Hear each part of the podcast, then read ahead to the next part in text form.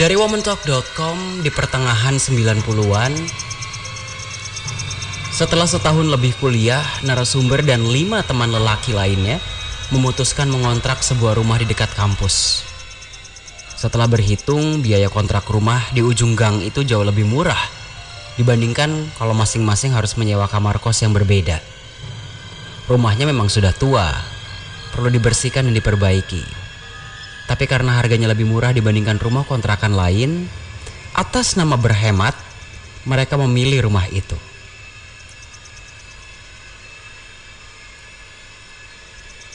Dari pertemanan yang terbentuk dari kumpulan ekstrakurikuler di Universitas Depok, hanya Oji dan narasumber yang menempuh pendidikan di jurusan komunikasi. Yang lainnya, jurusannya berbeda-beda. Di kampus urusan dan kegiatan cukup banyak. Jadi urusan rumah kontrakan, narasumber menyerahkannya kepada teman-teman lain. Mereka yang mengurus pembayaran, beres-beres, dan sebagainya. Sejak rumah itu dikontrak, narasumber bahkan belum sempat menginap di sana karena kesibukan menjadi ketua acara di kampus. Hasilnya, lebih sering menginap di kampus dan di kos teman karena harus mengejar rapat ini dan itu. Suatu hari di tengah jam kuliah, Oji bilang kalau dia merasa kurang enak badan. Wajahnya nampak pucat dia bilang sudah beberapa hari belum tidur. Ketika ditanya ada apa, Oji hanya menggeleng, pamit pulang ke rumah orang tuanya di Tangerang. Dia bahkan menolak ketika narasumber mengajukan diri untuk mengantarnya pulang. Malamnya, selepas acara kampus, narasumber memutuskan untuk pulang ke kontrakan. kontrakan yang belum pernah dia tempati. Dia percayakan kepada teman-teman untuk mengurusnya.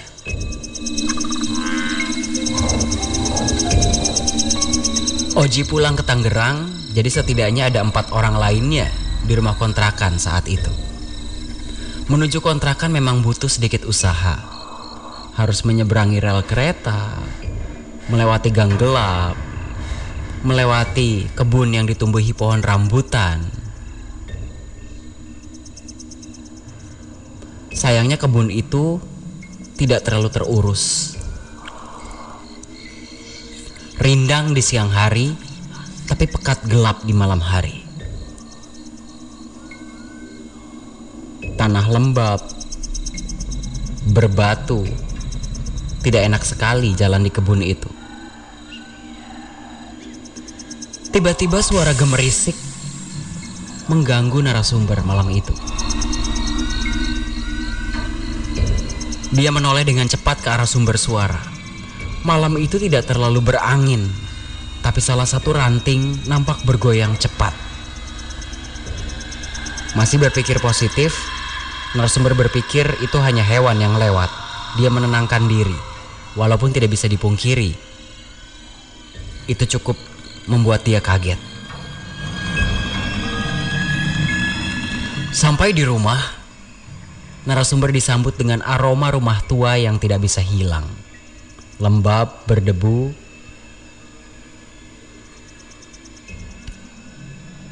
kondisi rumah itu gelap.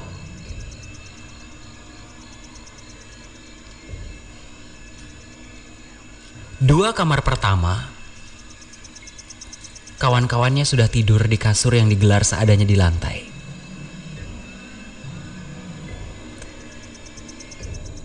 Tidak tega untuk nyempil dan membuat kamar terasa lebih sempit dan tidak mau membangunkan dua teman yang sudah lebih dulu tidur, narasumber memutuskan untuk tidur di sebuah sofa tua di ruang tamu.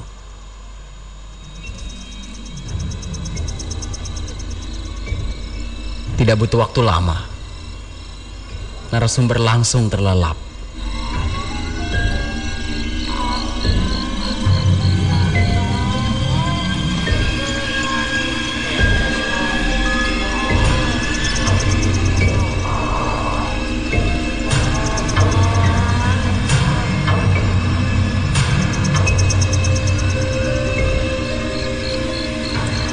Tiba-tiba sebuah lengkingan suara keras muncul di sisi telinganya. Pekak sekali.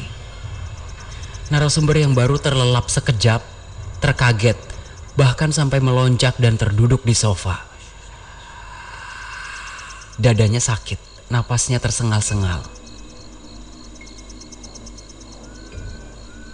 Narasumber kaget bukan alang kepalang. Keisengan siapa ini?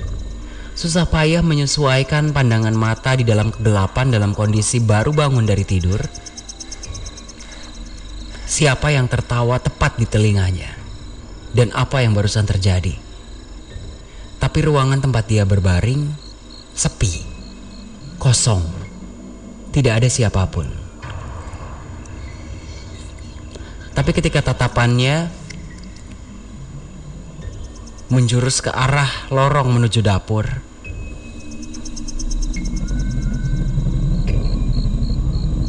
Semua ruangan yang gelap di tempat itu membuatnya bisa melihat siluet di bagian dapur yang lampunya masih menyala. Di pintu dapur. Berdiri mematung sebuah siluet hitam membuntuk sosok wanita.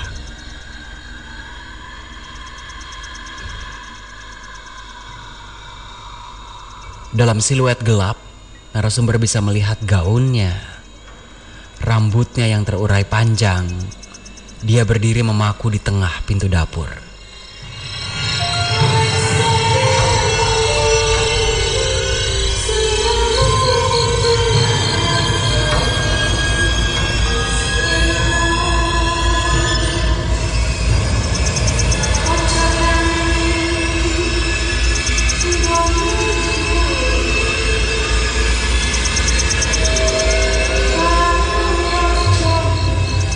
Tanpa terlihat langkahnya, sosok itu mendekat dengan cepat dan nampak menjulurkan tangannya.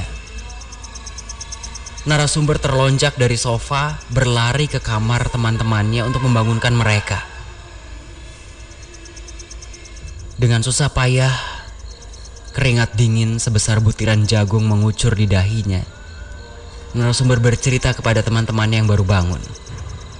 Lalu perlahan mereka mengintip ke ruang tamu. Tidak ada siapa pun. Lorong menuju dapur juga sepi. Sisa malam itu dihabiskan dengan begadang di dalam kamar bersama teman-temannya. Keesokan harinya ketika bertemu dengan Oji yang memaksa untuk pulang ke Tangerang dan tidak mau diantar ke kontrakan. Narasumber menceritakan apa yang menimpanya kepada Oji.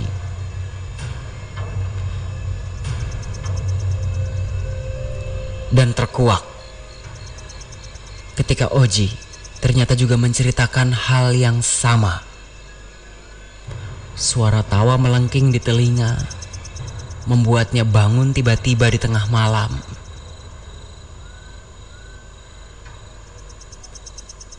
Sosok yang berdiri di pintu dapur. Berulang kali Oji mengalaminya, sehingga dia tidak pernah tidur di kontrakan itu, yang membuat kondisinya menjadi sakit. Baru sekarang dia berani bercerita. Ternyata tidak hanya Oji. Ternyata narasumber pun kemudian mendapatkan ucapan selamat datang dari pemilik rumah tak kasat mata.